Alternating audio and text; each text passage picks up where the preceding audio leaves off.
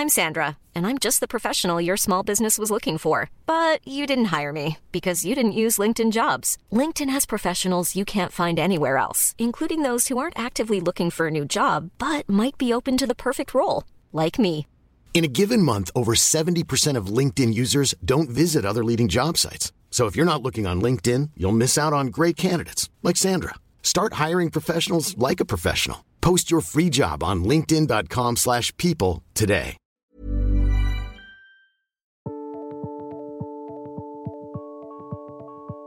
Det å kjøpe inn f.eks. Bare på billigpris der og da, og ikke på kompetanse, på verdi, for samfunnsnytte, det er veldig kortsiktig. Statsbygg var jo veldig tidlig ute i forhold til BIM-en. Eh, Vi ser at eh, Nye Veier er skikkelig på eh, i forhold til at de tenker heldigitalt. Velkommen til en ny episode av Entreprisepodden, en Grette-podkast om samarbeid i bygg og anlegg. Jeg heter Madeleine Bråten Bjåland, og med meg i studio har jeg Jørgen Årdalsbakke. Hei, Madeleine. Her hos oss på um, Filipstad brygge har vi invitert eh, tydelige stemmer innen bygg og anlegg for å snakke om det denne podkasten handler om, nemlig samarbeid. Og i dag så har vi vært så heldige å få besøk av leder av RIF, Rådgivende ingeniørers forening, Liv Kari Skudal Hansten. Velkommen til oss. Tusen takk! Og i dag skal vi snakke om rådgiverens rolle i bygg- og anleggsbransjen. Og det er jo et tema som jeg vet du brenner for. Ja, absolutt. Si litt om, eh, om foreningen du eh, leder. Ja, RIF er faktisk, var faktisk 100 år i fjor, Ja. så det er en ganske gammel forening. Eh, og det er da de rådgivende ingeniørfirmaene som er med på å både planlegge og forme egentlig både byer og bygg og infrastruktur her i Norge. Vært en voldsom konsolidering i denne bransjen blant våre medlemmer. Eh, bare for noen år tilbake så var vi 200 firmaer. Nå har de vokst, men de har også slått seg sammen, og nå er vi nede i 150 firmaer. Eh, men det har vært veldig mye både som sagt, organisk vekst, men også oppkjøp. Si litt om bakgrunnen din. Du har en, en spennende og, bred bakgrunn. Kan du fortelle litt om eh, hvordan du kom til den stillingen du har i dag? Eh, Jeg har vært så heldig å få eh, jobbet på mange sider av bordet. Eh, Så jeg startet jo faktisk som anleggsarbeider på E18 eh, før jeg begynte å studere. Og det ga en veldig sånn fin erfaring med det å jobbe ute på anlegg og forstå på en måte hva som er viktig der. Så senere så har jeg fått jobbet både på, på, på byggherresiden som bestiller, men også på, på leverandørsiden som rådgivende ingeniør og konsulent, og på myndighetssiden. En bred bakgrunn, så du vet hvordan det fungerer der ute. Ja, det gir i hvert fall veldig um, mange perspektiver i forhold til hva, hvordan de ulike sidene bordet tenker. Da. Eh, Så det er en, en fin ting. Jeg har også fått muligheten til å jobbe tett mot politikere tidligere, som kommuneplanlegger. Og det, det er noe med det å, i dette landskapet at du forstår hva som er ønsker og mål for de ulike eh, og insentimenter og, og, og andre ting som de er opptatt av. I dag skal vi snakke om eh, rådgiverens rolle i bygg og anlegg. Ehm, Kan du se noen forskjeller mellom eh, rådgiverens rolle eh, i bygg kontra samferdsel? Eller infrastruktur? Ja, det har jo blitt en dreining, sånn som vi har sett det, at det har fra å vært veldig sånn byggherrestyrte entrepriseformer, så har vi jo fått mer totalentrepriser. Eh, Og det betyr jo at eh, Og det har vi ikke hatt så mange tidligere på, på, på vei eller på bane. Så det er ganske nytt for oss, og det blir en annen type rolle. Eh, veldig lærerikt, eh, og gir på en måte et annet Du jobber mye mer tettere i tospann med entreprenøren. På, på byggsiden så har det jo vært totalpriser i, i, ja, over lengre tid. Eh, Det som er veldig spennende, særlig på samferdselssiden, har jo vært denne introduksjonen som Nye Veier har gjort på Best Value-metoden, som gjør at man setter kompetanse til totalteamet veldig eh, sammen, slik at det er på en måte om det er kompetansen hos entreprenør eller rådgiver, de, de må på en måte samarbeide, og det, det er en veldig viktig bit i forhold til å få optimale løsninger når man tenker på verdiskaping for samfunnet. Mm. Og det betyr at rådgiveren må inn tidlig i prosessen og, og vise sin kompetanse og bidra med sitt uh... Ja, og det er jo noe av liksom det som har vært motto nå de siste årene, at man har fokusert på det å få alle leverandørene tidlig, enten om det også er altså det kan være under, tekniske underleverandører, eller det er oss rådgiverne og og, eller entreprenør. Uansett, så de som kan bringe noe til torgs, bør komme tidlig inn, i, tidlig inn i et prosjekt. Vi som jobber med entreprise, vi snakker jo ofte om eh, byggherre og entreprenør. Mm. Eh, og man kan jo tenke seg at man skulle snakket mer om byggherre, entreprenør og rådgiver sammen. Hva tenker du om det? Jo, det tenker jeg er veldig lurt. Eh, fordi eh, det er jo en stor kompetanse som også, og viktig kompetanse som sitter hos rådgiveren. Og hvis man, man tror at den eh, Mens man ikke snakker om den, så kan det jo virke som den ikke er viktig eller til stede. Eh, og det er jo på en måte totalkompetansen som er det sentrale. I dag er jo de fleste prosjekter, særlig de store prosjektene, så komplekse at det er ingen aktør som kan håndtere dette alene. Dette er noe som vi alle, på en måte, både rådgiverne må være med på, og entreprenørene må være med på, og da selvfølgelig viktig at byggherren på en måte er veldig tydelig på hva de ønsker å oppnå. Så de vil være tydelige i sin kommunikasjon. Så det triangelet der, og gjerne også vil man ha med på en måte også Det kan også være leverandører på andre måter av materialer, eller de underentreprenørene. At, andre, at man tenker litt bredere rundt hva som er samhandling. Når det gjelder eh, rådgivning til entreprenører, hvis man er rådgiver for en uh, entreprenør og sånn sett i en totalentreprisesituasjon, blir uh, situasjonen annerledes for, for de prosjekterende? Tenker man på en annen måte, eller er det det samme som kommer til uttrykk uh, uavhengig av entrepriseform? Hvis du tar det, det første så er det veldig forskjell på totalentrepriser og totalentrepriser i, forhold til hvordan man jobber. Og på byggsiden så ser vi jo på en måte alt fra det at du, sitter faktisk samlet, er med på å ha en målsum, du jobber sammen og sitter i samme båt, til at uh, rådgiveren har også sittet på en måte under teknisk underentreprenør og egentlig ikke fått komme sin kompetanse på ting som har betydning. Og det ser vi som veldig uheldig på totalentreprisen og på, på, veisiden, der det er gode totalentrepriser, opplever jo at vi faktisk eh, på vei og bane tenker nok har lært en god del av den prosessen å jobbe tett mot entreprenør. For det er helt andre ting som er viktig. Vi begynner jo ofte å prosjektere ovenfra og går nedover. For, eh, for entreprenøren så er det viktig hvor, er det, hvor, hvor, skal vi begynne i bunnen, hvor skal vi begynne å grave, hvor, eh, hvor starter vi? Eh, og hva er godt nok for at de kan på en måte holde god progresjon i sin produksjon og optimalisere for de ulike entreprenørene hva som er viktig for dem for at de kan gjøre en effektiv eh, byggeprosess. Sånn at det har nok Jeg ser iallfall det at de som har vært med på disse gode totalentreprisene, der man virkelig får, får være i samme båt, opplever som svært lærerikt og veldig bra for begge parter. Man får innsikt i hverandre, forståelsen øker, og, og jeg tror også at det blir bedre prosjekter av det.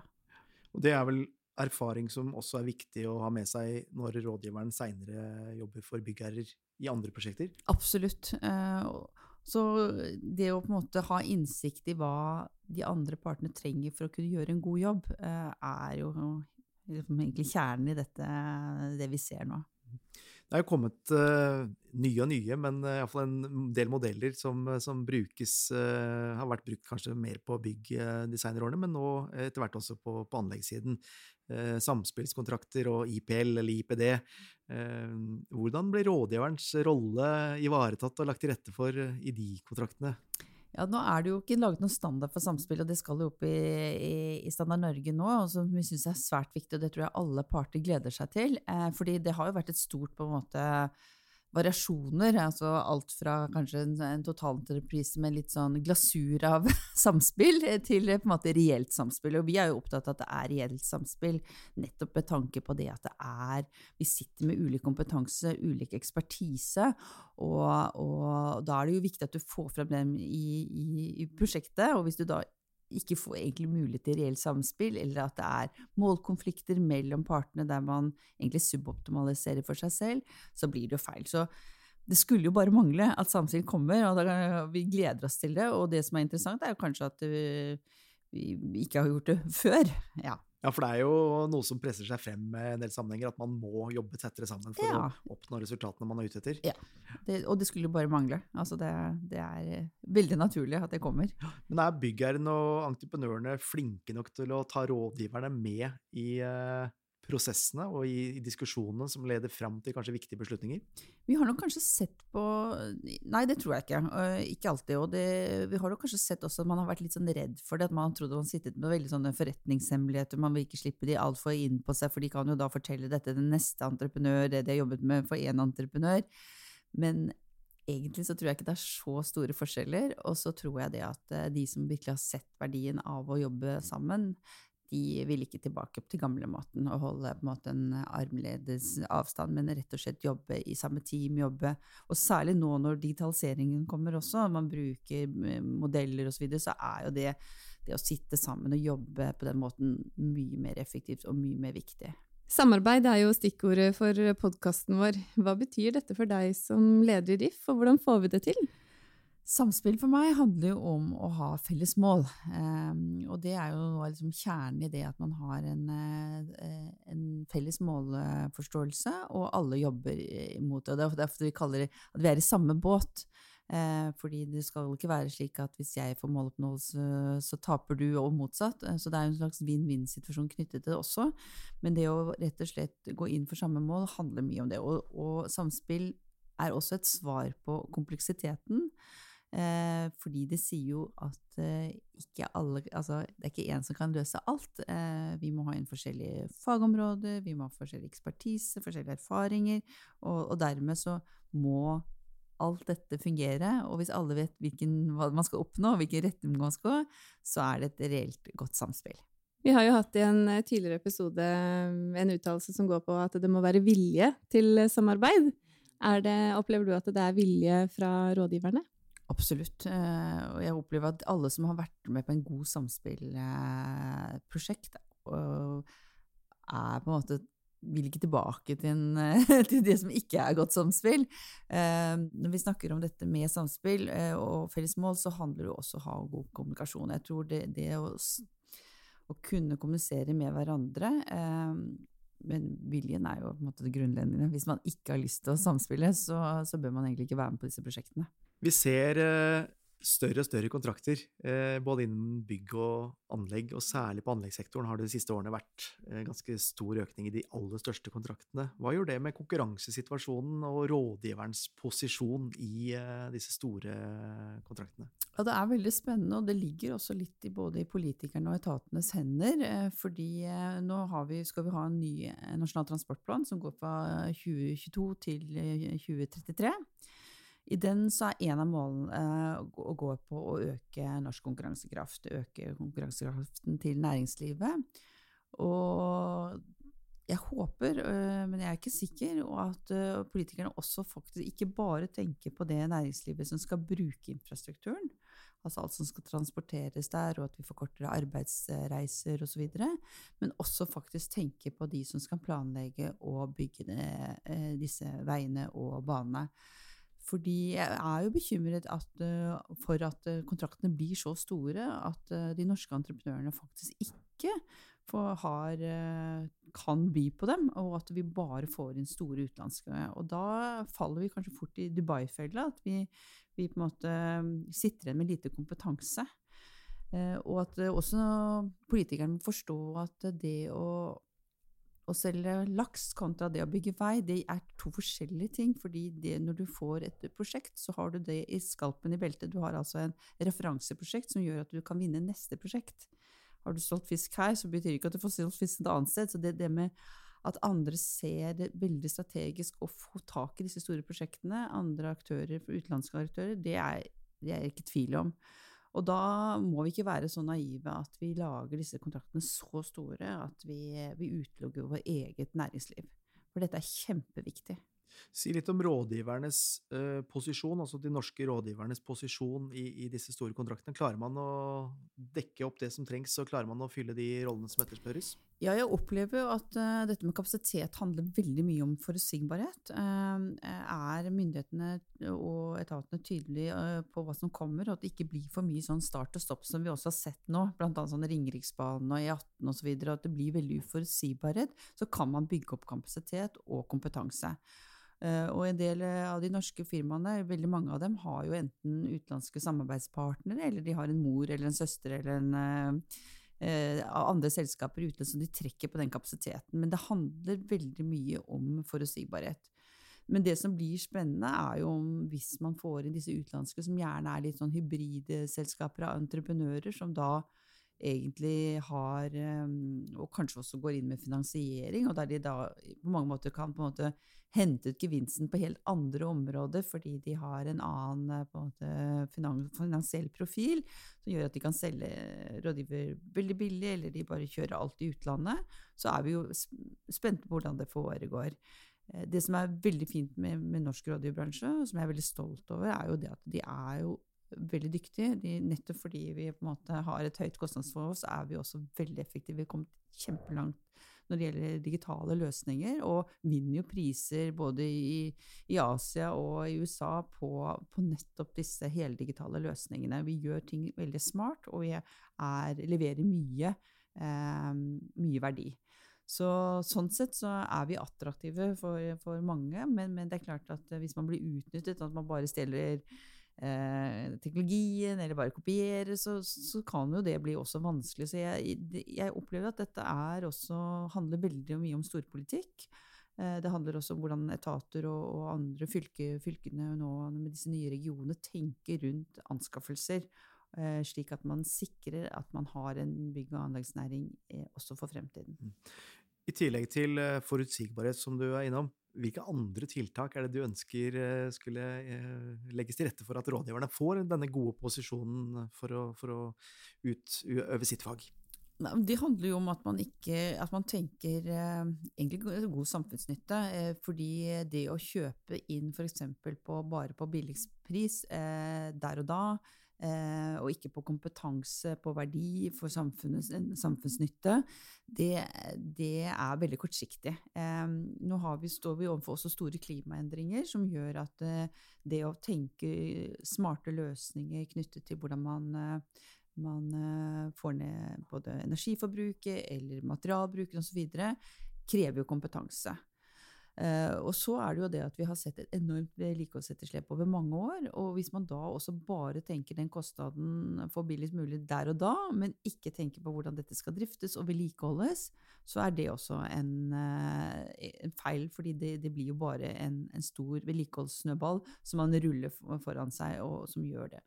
Og så skjer det jo veldig mye på det digitale. altså Det er jo ekstremt mye ny teknologi og digitalisering med sensorer og bruk av data. Eh, der det allerede vi planlegger, skal kanskje inn i bilene i fremtiden. og, og og ting skjer så raskt. Så det å satse på lavteknologi og ikke forstå at ting skal digitalisering, men bare skal på en måte få denne veien eller jernbanen ferdig billigst mulig, men ikke tenke drift og vedlikehold, det er veldig kortsiktig. Så dette går veldig mye på hvilken strategi man har for, eh, for, det man skal bygge, og opptatt også at man har en leverandørstrategi, at man sikrer at man faktisk har gode leverandører for fremtiden. Mm. Det du snakker om nå er jo åpenbart viktig for byggherrene, at de er ute etter kompetanse og er villige til å betale for det. Hvordan er det med entreprenørene i de situasjoner hvor de skal kjøpe inn rådgivertjenester i en totalentreprise? Er de like oppmerksom på dette med kvalitet og kompetanse? Det speiler veldig hvordan det blitt kjøpt inn. Er de blitt kjøpt inn på billigspris, så ser de også etter billige underleverandører, enten om det er oss tekniske eh, underleverandører, oss rådgivende ingeniører, eller det er på produkter og produsenter. Sånn at det, det blir litt sånn, litt sånn back to back, eller gjenspeiling. Eh, der vi ser når du, du, blir kjøpt inn typisk på, på, på verdibasert, eh, best value eller andre metoder der man ser nettopp samfunnsnytte og verdi, og der de blir målt på det, så er de absolutt opptatt av å tiltrekke seg de beste hodene og de beste rådgivende ingeniørene. Så der, der er det, og, og, hvordan de samhandler med dem og får god, god samhandling. Så det, det, varierer veldig på hvordan de blir kjøpt inn. Mm. Digitalisering har du nevnt et par ganger, og det er jo et uh, interessant tema i seg selv. Ja. Men hvordan rådgiver, preges rådgiverbransjen av digitalisering i dag? Er man langt nok fremme? Ja, jeg opplever at den norske rådgiverbransjen er veldig langt fremme. Som sagt, de vinner eh, priser eh, både på mange områder, både på veisiden, på banesiden og på byggsiden. Vi har jo sykehuset i Stavanger, vi har Ringeriksbanen, vi har hatt eh, flere også andre veioppdrag som vi ser er, blir, blir, er helt banebrytende. Um, og, og, sånn sett så opplever jeg at de bruker det. Men de, og nå kommer jo også parametrisk design osv. Så, videre, så hvis vi titter bare ti år tilbake og ser hva som blir produsert eh, på en time nå, kontra hva som er produsert av verdi nå, så er, får man jo ekstremt mye mer data og forståelse av det. Og det gir også en helt annen mulighet. altså Man jobber ikke sekvensielt, altså etter hverandre, men man jobber da i store team der alle er med, og der også da man kan trekke inn entreprenøren på en annen måte også, og byggherren, eller også selvfølgelig interessenter når de er inne, at de også kan forstå det at det er ikke noen teoretiske tegninger, men de kan faktisk komme inn i rommene med VR-briller og se hva de faktisk skal bygge. Så politikere, beslutningstagere får også et helt annet grep. Så vi er langt fremme, og det drives veldig eh, av de unge. Og vi er jo så heldige nå, sånn som jeg, vi har sett på de siste universum, at vi vi tiltrekkes også de aller, aller beste. Vi kan jo uh, rett og slett plukke på øverste hylle fra studenter og, og, og flinke, flinke, folk. Eh, sånn sett så er vi også et privilegium, og de driver jo også dette i seg selv. Så vi ser at det er en drive fra de unge. Og noe kanskje kanskje vært litt utfordring, er jo på en måte det digitale gapet da mellom de som på en måte ikke begynte sånn som meg. Vi, jeg var ikke helt digital da jeg gikk ut fra NTH, som det den gang het, til de som nå er helt heldigitale. Eh, mens de som er eldre sitter med mye erfaring, og de som er unge kan veldig mye på data. Så det å matche de på en god måte er jo noe av det som det jobbes veldig med. Både å, å fylle gapet mellom eh, på digital kompetanse på de som er helt i spiss, og de som da har ikke hatt det fra, fra starten av, og også koble de sammen i gode team. Er byggherrene og entreprenørene forberedt på dette digitale skiftet? Jeg har opplevd at vi har, har, veldig mye å takke eh, etatene og byggherrene nettopp at vi har kommet så langt. Altså Statsbygg var jo veldig tidlig ute i forhold til BIM-en. Uh, vi ser at uh, Nye Veier er skikkelig på i forhold til at de tenker heldigitalt og tenker informasjonsflyt, hvordan den bygges opp gjennom gjennom hele livsløpet og frem til bruker. Så det, jeg ser at det har vært med å dra. Jeg jo, sitter jo også som eh, visepresident i DCTF, den europeiske organisasjonen, og der kommer vi i kontakt med andre. Det å på en måte ha Der vi ser de landene som har hatt des, desentralisert byggherrer uten så veldig mye innkjøpsmakt, gjør at også bransjen henger etter. Så det at vi har sterke, tydelige byggherreetater som setter krav, gjør også oss konkurransedyktige og bedre på digitalisering. Uh, og så er det litt varierende hos entreprenørene uh, hva de har. og Noen har begynt med selvkjørende biler og forstår dette her. Og jeg opplever at mange av de norske også er veldig langt fremme. Uh, og så finnes det selvfølgelig store sprik der også, men, men, jeg opplever at det er veldig morsomt for de rådgiverne som får jobbe med entreprenørene, at de også er interessert i å følge opp dette og, og utnytte det, den dataen de får. Digitaliseringen medfører jo også konsekvenser for kontraktsreguleringen. Hva tenker du er viktigst at de nye kontrakten og kanskje også standardiseringsarbeidet skal uh, sette lys på? Det er jo mange, mange, aspekter som jeg tror kommer inn der. Eh, jeg tror en av de som virkelig kommer til å bli noe man kommer til å snakke mye om, er jo dette med hvem som eier dataene. Rettigheter til materialet og Eh, vi ser jo også at eh, firmaene våre begynner å tenke Vi gir jo veldig mye ofte data til software-leverandørene våre, og begynner å ha, tenke, ha en sånn datastrategi knyttet hva er det man skal eie, hva er det man kan gi bort, osv., og, så videre, og hva skal man dele. Det tror jeg blir iallfall en av de tingene. Og så er det jo en, mange ting man kan grave seg ned i i forhold til ikke sant? Hvis du har en modell, og plutselig så, så endrer egentlig premissene for uh, det skal brukes til noe annet, hva, hva, hva, står du ansvarlig for og sånn. Så her er det, blir det nok mye mat for advokatene også, i tillegg til uh, liksom det å tenke gjennom forskjellige løp i forhold til hva, hvordan disse dataene brukes. Og vi, vi ser jo det at det, sånn som Microsoft og Google og Amazon er jo veldig interessert i å hente data. Og det er jo et stort marked, så man skal absolutt ikke være naiv i forhold til hva som kan komme i fremtiden. Vi har jo kunnet lese i avisen at eh, rådgivertoppene har gitt eh, fem råd til Knut Arild Hareide som ny samferdselsminister.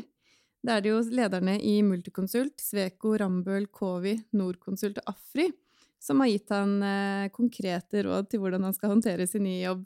Nå har du jo vært inne på det, da, dette med forutsigbarhet, eh, digitalisering, for å nevne noe, innkjøpspraksis.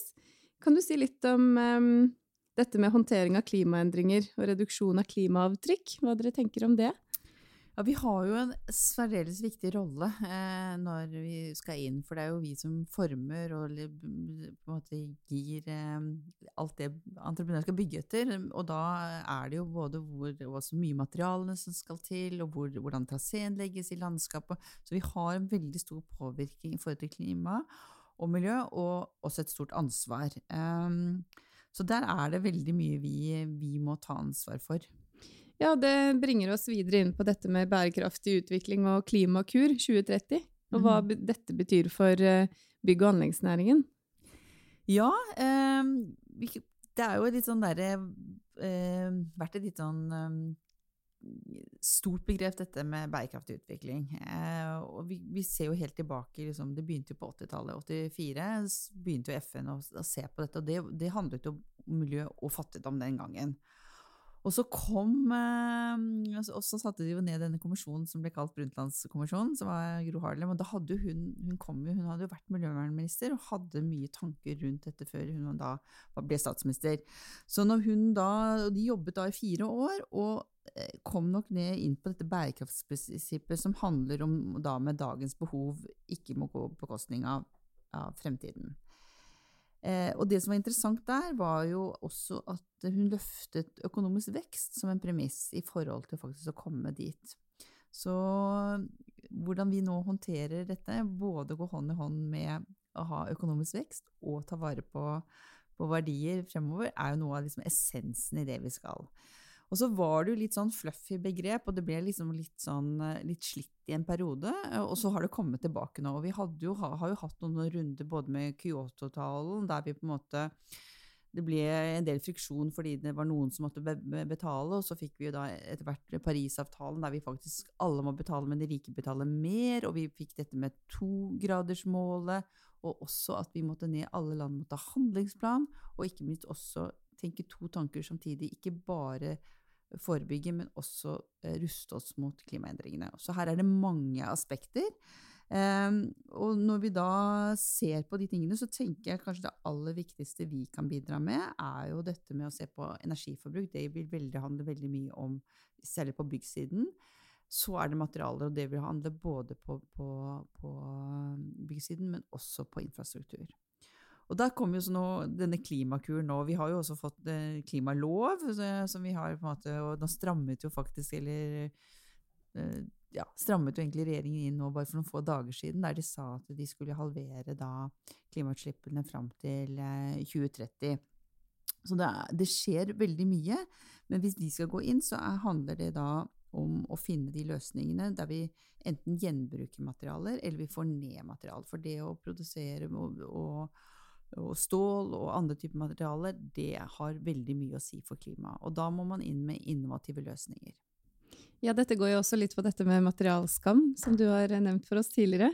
Ja, vi snakker jo veldig mye om flyskam, eh, men eh, materialer har en stor betydning. Eh, og vi har jo eksempler der vi liksom har gått inn og modellert, noen av våre firmaer modellert og faktisk fått ned reduksjonen, enten det er på bruer eller i andre sammenhenger, som sparer oss for tusenvis av flyreiser. Så bare det å tenke hvor liksom begynne å oversette flyreiser til stål eller til materialer, er faktisk en tid. Så kanskje det er på tide å snakke om materialskam, fordi vi, kan, vi må begynne med mye mer gjenbruk, og vi må tenke på hvor mye materiale vi bruker for å få ned CO2-avtrykket. Gjenbruk er jo et utrolig interessant uh, tema. Uh, hvordan jobber dere uh, i, rådgiverbransjen med, med, det? Ja, altså Det krever jo en helt annen måte å jobbe på. og Sånn sett så kan man jo si at vi skulle jo ønske oss mer sånne Rett og slett at man samlet materialer og, og, koordinerte seg etatene imellom på hvor man ha, kan ha brukte materialer og ser de mer i sammenheng. Så for oss så er det jo viktig at vi, vi hjelper byggherrene til å bli bevisste på det. At man ikke bare tenker på gamlemåten, hvordan man gjorde det før i tiden, eh, men faktisk eh, utfordrer våre kunder til å se men er det mulig, må man rive dette, kan vi rehabilitere, kan vi tenke nytt, eh, kan vi en, kan vi få tid til å, å sitte og kna prosjektene slik at vi får ned materialbruken eh, enn det liksom standardene viser. Så der er det på en måte et, jeg tenker Noe av det vi gjør, er både å ha kunnskap til å forklare det, kunne regne på det, vise hva man kan spare, men også å utfordre våre, våre byggherrer og våre samarbeidspartnere for å tenke sammen. Og for entreprenørene så handler det jo også veldig mye om det å, nå, å gå over til mer utslippsfrie byggeplasser osv. Og, så og det, det, er jo en ting som krever en del for dem i forhold til å, øh, deres maskinpark. For at dette skal øh, være mulig, dette med gjenbruk, da må dere vel inn tidligere i prosessen enn det som kanskje er tilfellet i dag?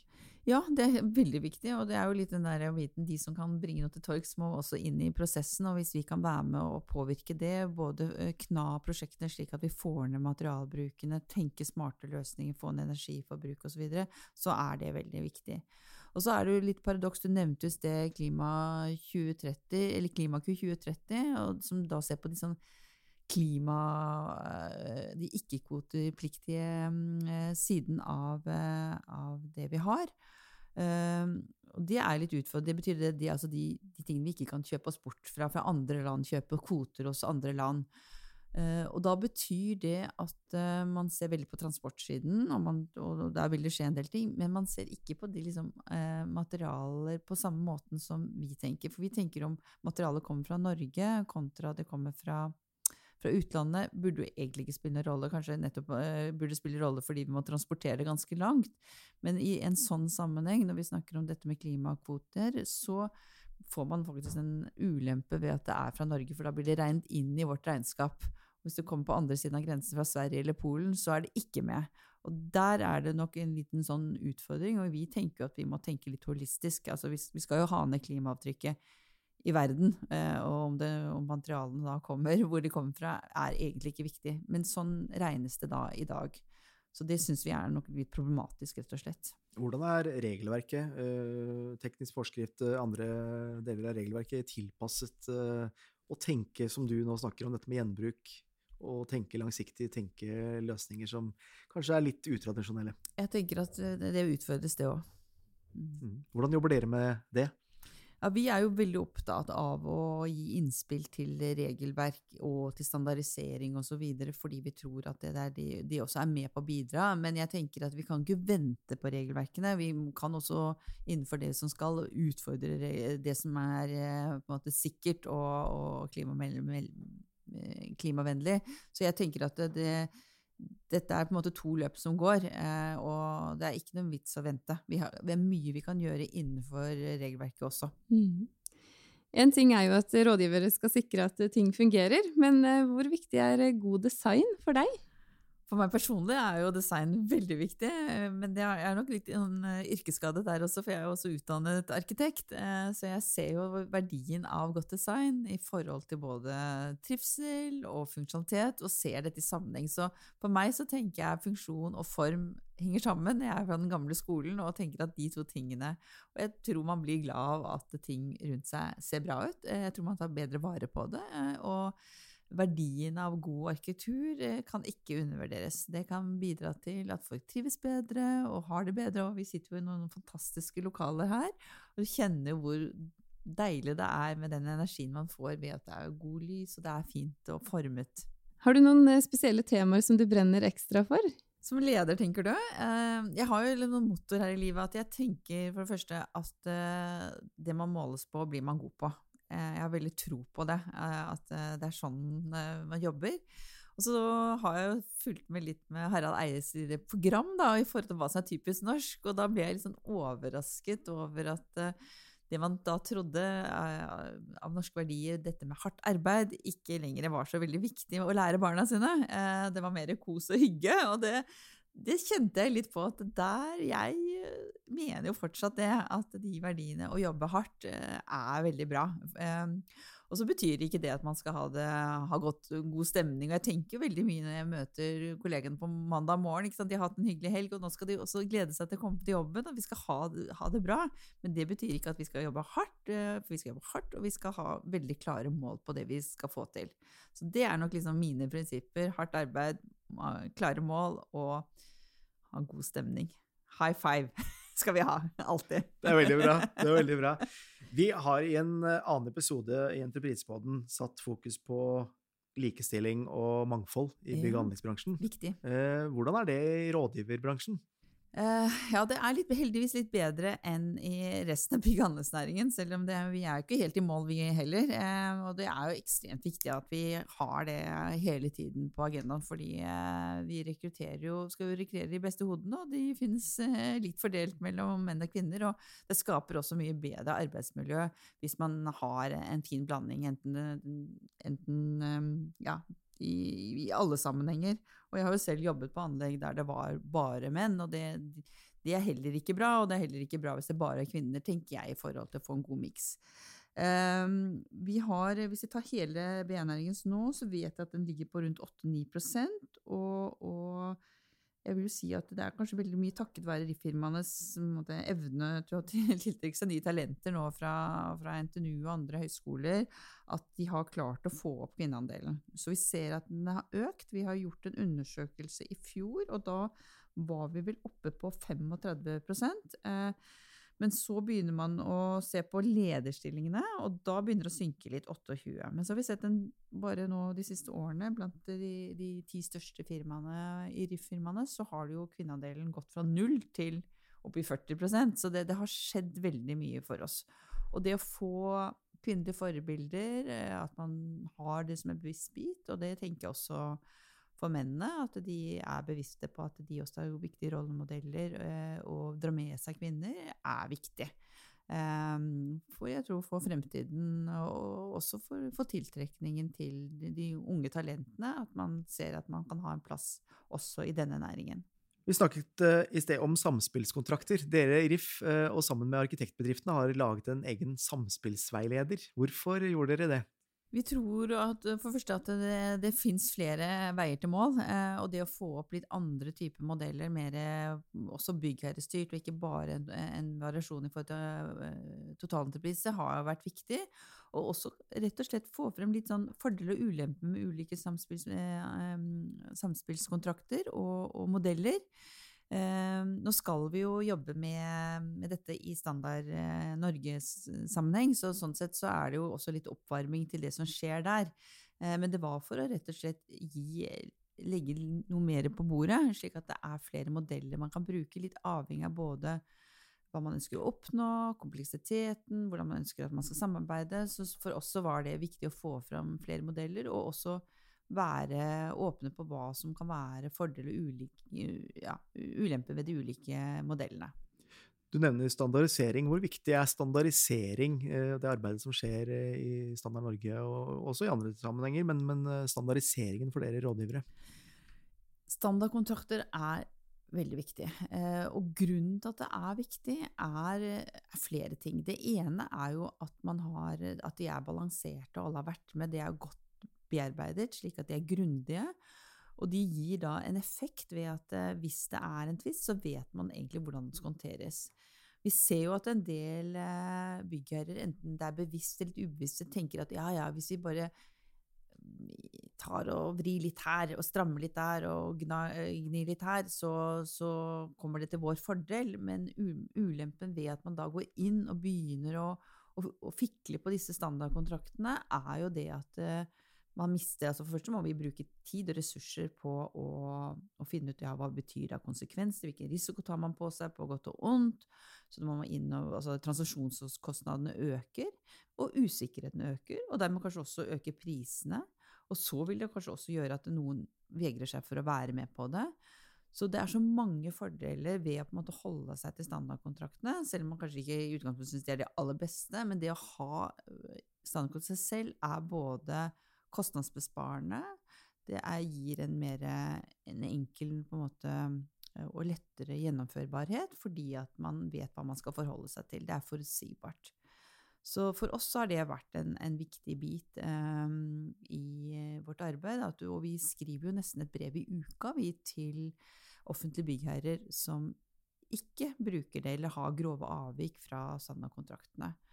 Og veldig mange av dem er, eh, gjør det jo ikke av vond vilje, de har kanskje ikke tenkt seg om og tenker at det, det er smart, men i det de eh, men andre har jo noen dårlige erfaringer med at de som sier at ja, men her må vi nå stramme inn. Og vi tenker at ja, det er ikke sikkert vi skal gjøre det på standardkontrakten. Jeg tror heller da at du bruker standardkontrakten, men du da har spesiell oppmerksomhet på det du har hatt dårlig erfaring med, og på en måte har et oppstartsmøte med de leverandørene og sier at dette kommer vi til å følge opp spesielt, for dette har vi dårlig erfaring med, og hva tenker dere kan gjøres for at vi slipper å komme i en sånn situasjon, istedenfor å sitte på kammerset og begynne å fikle på disse standardkontraktene. Vi har noen faste spalter her i Entreprispodden, og den ene er Ukas tvist. der handler det om eh, muligheten til å bytte jobb med hvem du vil, for en periode så lenge du vil. Hva ville du valgt da? Da hadde jeg valgt å bli samferdselsminister. Interessant. Fortell. jo, det er så mange ting som jeg er opptatt av, eh, som jeg tenker at eh, ministeren burde ta tak i. Eh, det første er jo nettopp dette med økt forutsigbarhet eh, i forhold til å få mest mulig nytte. Eh, alle disse start og stoppene vi ser av prosjektene, det å, å, å jobbe med det, tror jeg er kjempeviktig. Og det å få gi litt større handlingsrom da også til eh, de som ikke har det PT. Det, Nye Veier har jo fått det, men eh, Banor har jo ikke det. Og også Statens vegvesen, selv om de har disse bompengene og kan bruke de litt, så, så, mener jeg at det er veldig smart å ha både større fleksibilitet og større forutsigbarhet i prosjektene. Og så er jeg veldig opptatt av at vi skal ha en, eh, en eh, konkurransedyktig norsk eh, bygg- og anleggsnæring for fremtiden. Og da må man også legge opp noen strategier som gjør at man satser på kompetanse, satser på digitalisering, satser på klima og miljø. Um, og jeg er jo veldig opptatt av hvordan man gjennomfører eh, disse prosjektene. At man får til rett og slett godt samspill. Eh, at man kjøper inn på det jeg vil si verdibasert, eh, slik som Nye Veier bruker denne Best Valley-metoden, som, som, er en anerkjent metode for å få rett og slett mest mulig nytte per krone. Ehm, jeg har veldig tro på verdianalyser. Jeg mener det burde vært obligatorisk for alle. Vi har jo gått inn i prosjekter, ehm, våre firmaer, og gjort verdianalyser for Nye Veier og spart milliarder ved å optimalisere traseer, masse balanse og sånn. Og med tanke på det som også finansministeren nå har vært inn, ute både, både i morges og forrige uke, og perspektivmeldingen nå, vi får et trangere økonomisk handlingsrom. Så det er så ekstremt viktig å bruke den kompetansen som sitter i næringen, til å få eh, mest mulig nytte for våre for brukere og samfunn når vi skal bygge infrastruktur. Vi får håpe samferdselsministeren hører på, for han fikk jo noen eh, veldig gode råd akkurat nå. Ja. Vi har jo også en annen, uh, annen spalte, og det er ukas drømmeprosjekt.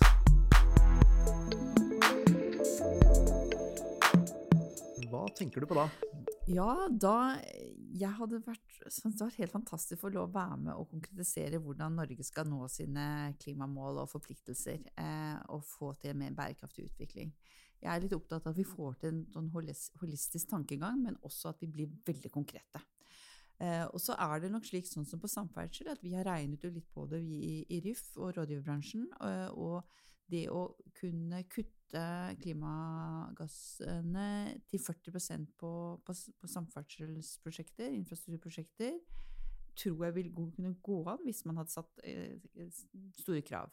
Og så er det jo det hvis man skal da begynne å gå ned med 50 og 60, og da vil det koste noe. Og det å se ting i sammenheng, hvor er det vi kan få de lavthengende fruktene, få mest mulig klimakutt per krone, per innsats, og ikke bare ta en, en uh, en høvel tvers over og si at alle skal kutte likt, men faktisk hente gevinster. Jeg vet at Finland ser på dette, og jeg hadde syntes det hadde vært veldig nyttig om Norge hadde gjort med det. Jeg hadde lyst til å vært med i et sånt arbeid. Det hørtes veldig interessant ut. Vi i Entreprisepodden er uh, veldig glad for at du ville komme, og som en liten uh, hilsen så har vi lyst til å gi deg en bok. Uh, hvilket bokønske har du? Du, jeg, eh, Som bransje, leder av bransjeforeninger så er jeg jo veldig opptatt av å forstå verden rundt meg. Altså jeg tror det, det å kunne påvirke rammevilkårene, må du også forstå verden rundt deg. Og jeg vet at um, Harari har laget en del bøker eh, knyttet til liksom, den forståelsen, hva som skjer i forhold til digitalisering, det nye mennesket, og terror og fake news og alle disse tingene. Og han har en bok som heter 21 tanker om det 21. århundre, og den hadde jeg hatt lyst til å lese. Spennende. Liv Kari, det har vært en eh, sann glede å ha deg her i Entreprisepodden. Tusen takk for at du kunne komme til oss og dele dine erfaringer. Tusen takk for at jeg ble invitert. Det var veldig hyggelig å snakke med dere. Entreprisepodden er her for alle, enten du er eier, beslutningstaker, anleggsarbeider eller prosjektleder. Hvis du ønsker trygghet om at avgjørelsene dine blir tatt på et riktig grunnlag, da hører du på oss. Her får du delt erfaringer og råd fra aktører med størst kompetanse på fagfeltet. Advokatfirmaet Grette dekker hele det forretningsjuridiske området.